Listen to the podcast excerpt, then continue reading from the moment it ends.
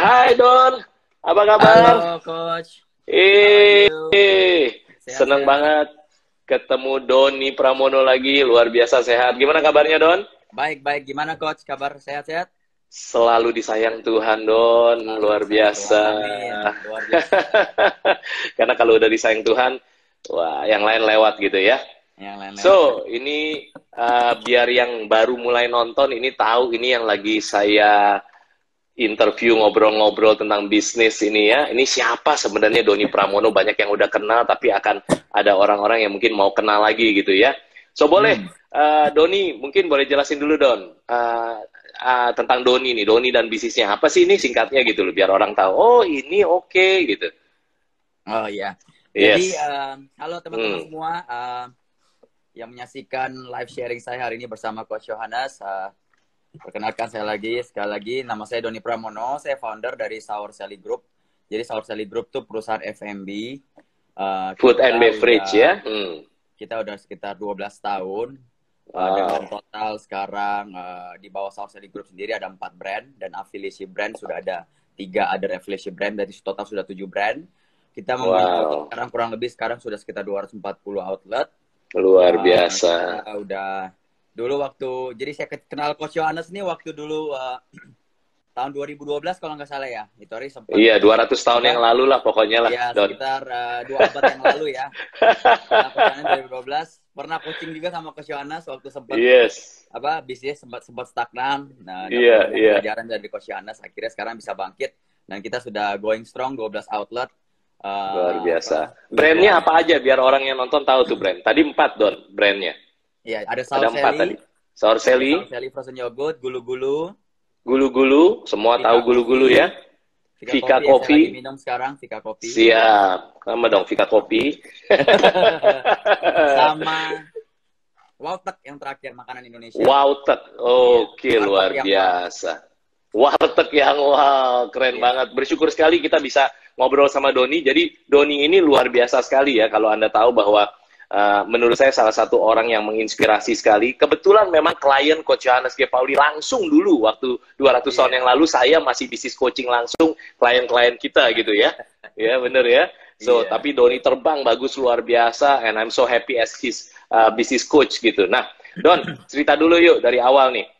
Jadi your previous life dulu deh cerita. Jadi orang banyak belajar dari kok bisa sih sukses begitu? Awal-awalnya gimana sih gitu kan. Jadi cerita dulu previous life. Sebelum bangun Sour Sally, kan awalnya kan Sour Sally dulu kan ya Don ya? Iya, betul. Nah, itu kehidupan sebelumnya ngapain sih? Seorang Doni itu ngapain sebelumnya gitu?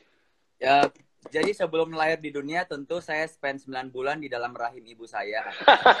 jadi eh, sebelum mulai bisnis Sour Sally, Sour Sally itu merupakan bisnis official saya yang pertama. Jadi Oke. sebelum Sour Sally itu saya mulai Hmm. Sour Sally itu sekitar eh, umur 25 26 ya kan. Hmm, Sekitar 12 tahun lalu. jadi waktu saya mulai Sally itu saya barusan lulus kuliah eh, S2 Oke. menyelesaikan studi saya S2 oke. saya balik Hmm, dan akhirnya saya mulai bisnis Sour itu out of passion.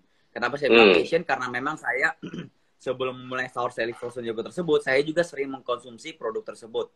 Waktu Hmm. menyelesaikan studi saya itu hari di luar negeri. Ya, waktu Oke. saya kembali, jadi istilahnya saya tipe pebisnis pengusaha yang memulai sesuatu uh, out of passion, ya kan? Dari Hmm. Keinginan saya. passion dari saya- dari gairah, dari semangat, dari dari- kesukaan dari gitulah ya. Saya hobi Hmm. suka makan itu. Saya Hobi, oke. dengan Retail, F&B, akhirnya Hmm. saya mulai tersebut. Nah, eh, kalau bisa dicerita kenapa bisa mulai Sour Sally, Ya. itu sebenarnya idenya datang dari mama saya. Mama saya itu Hmm. saya bawa ke salah satu tempat eh, frozen yogurt cafe favorit saya waktu saya kuliah di luar negeri. Dia Oke. suka, dia mencetuskan ide tersebut. Jadi akhirnya. Uh, sebagai anak yang baik, ya kan, saya ing- wujudkan keinginan mama saya, ide mama saya, Hmm. akhirnya saya balik Indonesia, saya mulai. Nah sebenarnya saya juga di Jakarta, saya bukan orang Jakarta. 12 tahun lalu saya mulai bisnis di Jakarta itu saya seorang perantau. Bahkan Hmm. mulai bisnis itu tahun 2008, itu pertama kalinya saya menginjakan kaki di Jakarta setelah wow. uh, setelah berapa? 9 tahun mungkin. Hmm. Pertama kali saya ke Jakarta tahun 99 kalau nggak salah waktu liburan Oke. masih liburan SMP apa SMA waktu itu Hmm. ya kan jadi Hmm. nah waktu saya ke Jakarta betul-betul out of passion dan juga tekad untuk merantau dan untuk supaya bisa apa uh, mengadu nasib di Jakarta. Wow. Jadi jadi anak kuliahan normal gitu ya dari luar negeri datang ke Jakarta gitu, terus karena memang passion makan yogurt, terus mau bikin your first official business tuh sour Sally frozen yogurt gitu ya? Betul. Betul ya? Oke, ya. oke, okay, siap, siap. So, gimana cerita di awal-awalnya, Don? Cerita suka dukanya apa tuh? Justru kita pengen belajar nih dari seorang Doni Pramono. Apa sih suka dukanya tuh pertama kali membangun bisnis? Ya itulah ya, Sour Sally Frozen Yogurt ya. Iya, jadi suka dukanya hmm. ya pertama pasti dimulai dengan semangat ya.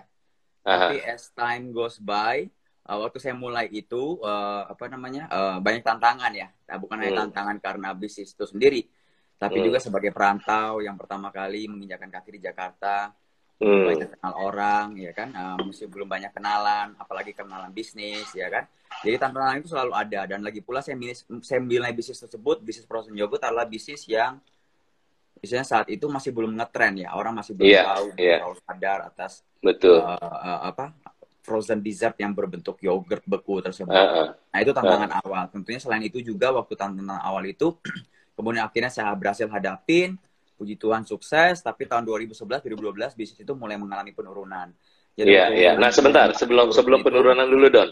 Di awal-awal ya. dulu sebelum penurunan. Berarti ya. outlet pertama dibuka di di mana Senayan waktu City. itu? Senayan City langsung ya. Itu waktu mau bangun kepikiran nggak bahwa oke, okay, saya akan punya outlet segini, saya akan begini-begini atau udah buka satu dulu deh gitu. Dari awal oh. udah kepikiran belum? Hmm. Ya tentunya mimpi-mimpi itu pasti ada ya. Uh, mimpi-mimpi okay. ada tetapi hmm. kepikiran untuk bisa sebesar sekarang atau itu saat itu masih belum. Jadi waktu saat itu hmm. uh, karena masih masih istilahnya masih berjiwa berjiwa apa uh, muda dan berjiwa entrepreneur istilahnya kan. Yeah, Saya yeah. lebih lebih mengarah ke uh, start dulu ya kan. Oke, okay, oke. Okay. Istilahnya bonek. Uh. dan juga sebagai okay. salah satu uh, media, masa bisnis sebagai hmm. salah satu media istilahnya hmm. uh, apa namanya uh, untuk memprove diri sendiri. Oke. Okay. Tapi udah ada pikiran mulai itu juga hmm. mulai itu uh. juga karena sebenarnya tanda kutip takut pulang kampung sih. Jadi sebenarnya oh, keluarga okay. saya itu papa saya punya bisnis itu di Sulawesi. Iya. Yeah. kan di kota kecil namanya Bau-Bau di Sulawesi Tenggara. Nah, okay. nanti kalau lu nggak bisnis, nggak sukses di Jakarta, ya lu pulang kampung bantu gue. Nah, karena karena saya nggak mau, saya nggak mau pulang kampung, istilahnya kan. Saya pengen punya bisnis sendiri, saya pengen tinggal di kota, istilahnya. Setelah uh. akhirnya saya berjibaku mengerahkan segala macam cara supaya bisa sukses di Jakarta. Die-die masa bisa successful lah istilahnya. Oke, okay. nah, die-die ya sudah lumayan masih successful. Masuk ke tahun 12 dan cukup growing bisnisnya. Luar biasa, luar biasa. Ini buat yang nonton, yang lagi nonton kita nih ya. Saya kasih tahu dulu nih Don, iya. ini buku nih luar biasa nih. Ini buku adalah buku bisnis is fun. Nanti buat Anda yang belajar sama-sama udah dapat ilmu praktis dari seorang Doni Pramono, bener-bener real nih, entrepreneurs gitu ya. Dapat buku lagi dari Coach Anas G. Pauli. Buku ini isinya tujuh strategi praktis yang beneran udah terbukti berhasil bisa bikin bisnis profitable dan autopilot. Kalau yang mau, ketik dulu di komen, mau bisnis is fun. Nah, kalau mau ketik dulu di komen, mau bisnis is fun.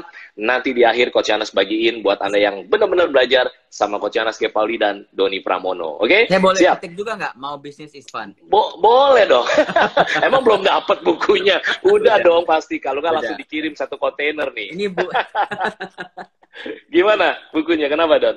Good, good, good, good. Uh, apa namanya? Uh, uh apa eh, jangan lupa juga teman-teman kalau dilihat halaman awal ya kan? Ada nama saya juga di situ. Ah iya betul. ini ada ada Doni Pramono. Ada bahkan hai dari saya jadi tidak salah lagi. Don balik lagi. Sekarang ya, dari yang ya. pembelajaran awal dulu. Karena saya paling tertarik sama pembelajarannya. Jadi bukan ceritanya doang tapi pembelajarannya. Yes. Waktu di awal buka terus suka duka sebelum turun deh, sempat sempat turun kan sour Sally frozen yogurt dulu ya. Tapi basically sebelum turun, pembelajarannya apa sih? Buat yang nonton kita tuh kemungkinan dua macam orang. Satu adalah orang yang mau bangun bisnis, tapi belum mulai-mulai. Sama satu lagi adalah orang yang udah punya bisnis, tapi mau profitable dan autopilot. Kadang-kadang profitable doang nggak autopilot gitu kan ya. Yeah, yeah, nah, yeah. coba kalau kalau kalau don, seorang Doni Pramono kalau kasih pembelajaran dari yang awal-awal lah, fase pertama bangun bisnis, apa sih pembelajarannya? Kira-kira mau mau mau kasih pembelajaran apa? Kalau memulai pertama itu uh, menurut saya uh, yang penting hmm. tahu apa yang mau, apa yang dimau, iya kan? Uh, industri okay. apa yang dimau.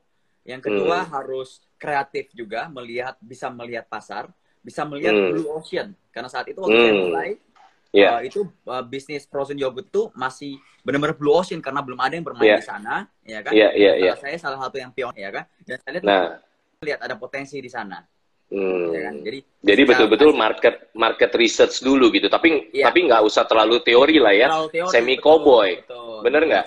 Iya kan? Cowboy dikit juga nggak apa-apa. Nah, kalau Iya. di Creative namanya semi cowboy, nggak boleh cowboy banget, Don. Iya. Nanti Don, mulai by the way kamera kameranya turunin dikit, Don. Kameranya Turunin dikit, ya? biar biar makin gantengnya kelihatan. Nah, ini keren banget nih, gantengnya kelihatan banget. Tadi, tadi saya adjust terus tuh. ya. Iya, iya, iya. Agak- Turun dikit nih keren. Iya. Iya, iya, iya. Siap. Jadi yang penting Don. mulai dulu. Mulai dulu. Yang penting udah tahu produknya apa, punya passion dan Oke. yang penting jadi entrepreneur itu bukan hanya coba-coba ya. Ya bisa coba-coba Hmm. tapi menjadi Hmm. entrepreneur itu kita harus menjiwai, Hmm. ya kan? Hmm. Karena menjiwai Hmm. apa segala sesuatu yang dibilang sama orang bahwa entrepreneur itu begini, enak begini. Ya, itu memang semua positifnya tapi it comes with the negative juga. Jadi menjadi Iya. seorang entrepreneur bukan hanya sebuah sebuah se- sebuah apa namanya pengusaha itu bukan hanya sebuah uh, pekerjaan, tapi harus juga menjiwai. Iya, iya, betul. Karena- Makanya makanya Coach Yohanes bilang ya Donia bahwa entrepreneurs adalah orang yang bertahun-tahun dalam hidupnya mau hidup seperti kebanyakan orang tidak mau. Tetapi sepanjang hidupnya bisa hidup seperti kebanyakan orang tidak bisa. Tidak Contohnya bisa. beli Ferrari lah, ya nggak sih? Misalnya. Ya Masih contohnya beli Ferrari nanti ya? nanti kita cerita tentang Ferrari ya, oke? Balik lagi balik lagi ke sini dulu. Oke, jadi pembelajarannya adalah mulai tadi ya. Makanya ada istilah dream big, start small, move fast gitu kan ya. Nah, jadi itu- nah itu- itu, itu logo Di Doni- kalau kita sayangnya nih PSBB belum buka kalau kita interview Eh, eh. Saat PSBB Eh, udah eh. buka di kantor saya di belakang background tulisannya itu tuh Itu sampai ditempel begitu. Iya. Waduh luar biasa. Senang banget kalau bisa berdampak sampai seorang Doni Pramono luar biasa. Don, terus abis Iya. itu ada yang turun tadi ceritanya. Setelah jalan bagus sampai berapa outlet waktu itu? itu hari 25 outlet 25 outlet, oke. Terus Doni mengalami penurunan waktu itu. mengalami penurunan karena saya Oke, coba cerita, ha. memahami ya saya Hmm. belum terlalu memahami uh, industri F&B punya cycle Oke. Hmm. jadi setelah itu bisnis turun ketika Hmm. uh, saat itu mulai stres sempat rugi uh, Iya. uh, utang saya itu di bank sekitar 7 Hmm. miliar Hmm. Sampai- Hmm. sampai utang miliar. 7 miliar. Oke. Yes. Uh, Hmm. Sekitar setengahnya dari 7 miliar itu saya pakai untuk itu hari dapat coaching dari Coach Yohanes. Oke, siap. Tapi kan investasi, Coach. Iya bener dong. Investasi hidung ke atas. Iya. Hidung ke atas, bener. Hidung ke atas dulu. Di sini kan, Don? Justru, Iya. justru kalau saya nggak investasi itu, saya sekarang nggak seperti ini. Waduh, luar biasa. Di coaching langsung sama Coach Anas G. Pauli ya waktu itu Iya, ya. iya, betul. Siap, siap. Ya kan? Sekarang Jadi saya udah nggak coaching itu, langsung, ya, ya. Tahun 2011, 2012 eh, sempat stres, sempat ham- eh, utang sempat 7 miliar. Ya. Oke. kan? Eh, Itu utang 7 miliar untuk apa? Untuk karena memang operasional atau memang buka Karena- sini buka sana? kan kita kebanyakan 25 outlet itu semua berbasis di mall. Iya. Iya. Seperti teman-teman kita tahu sendiri, bisnis di mall itu uh, Hmm. biaya operasional cost-nya rentalnya tinggi. Katakan satu mall Hmm. 30 juta deh, 40 juta Iya. per bulan. Coba dikali aja. Iya. Iya, betul. Biaya rentalnya aja udah tinggi. Ya, Hmm. kalau 25 Hmm. juta aja kalau 25 sudah berapa? Aha. Iya. Ya kan? Nah, itu Iya. minimum Doni ada yang bilang ada yang bilang bahwa kalau bisa ngomongnya lebih lebih keras lagi biar kedengeran sama Doni turunin dikit biar kelihatan pas gitu keren. Ya. Iya, iya. Let's go, let's go. Oke. Ya. Jadi Ini banyak eh, yang dengerin nih. Hmm. Iya. Jadi eh, ya saat itu sempat hampir eh, sudah utangnya udah banyak, ya kan? Akhirnya Iya. mencari segala macam cara bagaimana ikut coachingnya Coach Yohanes, ya kan? Terus ikut-ikut seminar. Eh, memang Hmm. waktu ikut coaching itu ya, ya apa setiap coaching-coaching setiap pembelajaran itu member- tidak langsung memberikan jawaban atas eh, masalah. Ya kan? Hmm. Tapi setidaknya Hmm. dari masing-masing jawaban, jawaban, jawaban, jawaban dicari benang merahnya, ya kan? Iya. Karena setiap permasalahan bisnis kita itu unik dan berbeda Hmm. ya kan? Tapi yang Hmm. kita bisa pelajarin dari mungkin dari coaching, dari seminar, atau ikut talk show, atau dengerin mentor, atau dengerin baca buku, Iya. ya kan? Itu Iya. adalah kita mendapatkan pembelajaran supaya kita bisa proses di dalam uh, uh, apa namanya di dalam uh, masalah kita supaya kita bisa Iya. mencari solusinya sendiri. Tidak ada orang yang bisa Siap. mengetahui problem lo ini, oleh karena itu solusinya ini nggak bisa. Kita sendiri yang harus cari. Iya. Betul banget. Jadi waktu jat waktu jatuh turun, omset turun, perasaannya jujur gimana waktu itu? Perasaannya stres pasti. Hmm. Eh, sempet istilahnya pasti eh, stres, banyak pikiran. Tapi Iya. kalau saya sih eh, stres, banyak pikiran terus memberi saya adrenalin rush untuk lebih lebih terchallenge untuk mencari jawabannya. Hmm. Gue menghadapi masalah ini, jawabannya apa? Pasti ada jawabannya gitu. Hmm. Kenapa? Pasti semua bisnis ketika mulai, ya kan, waktu mau grow semakin besar, pasti menghadapi tantangan-tantangan seperti ini. Kalau gua fail sekarang, berarti gua nggak lulus sebagai seorang pebisnis. Hmm. Mungkin jawaban-jawabannya itu karena memang kita barusan mulai bisnisnya, mungkin tidak bisa langsung didapatkan. Oleh karena itu saya tadi sampaikan, saya ikut Yeah. coaching bersama Coach Yohanes, saya ada juga ikut talk show, saya ikut juga Yeah. seminar, baca buku. Akhirnya jawaban-jawaban tersebut saya coba ramu, saya kreat formulasi saya sendiri untuk saya mendapatkan istilahnya obat saya sendiri untuk terhadap bisnis saya. Siap, siap. Kan- Eh, bedanya tahu nggak orang kaya sama orang miskin? Orang kaya sama orang miskin bedanya orang miskin milihnya atau orang kaya milihnya dan. Dan Orang kaya milihnya dan. Orang kaya nggak mau milih atau. Mau pilih suara atau pilih muka?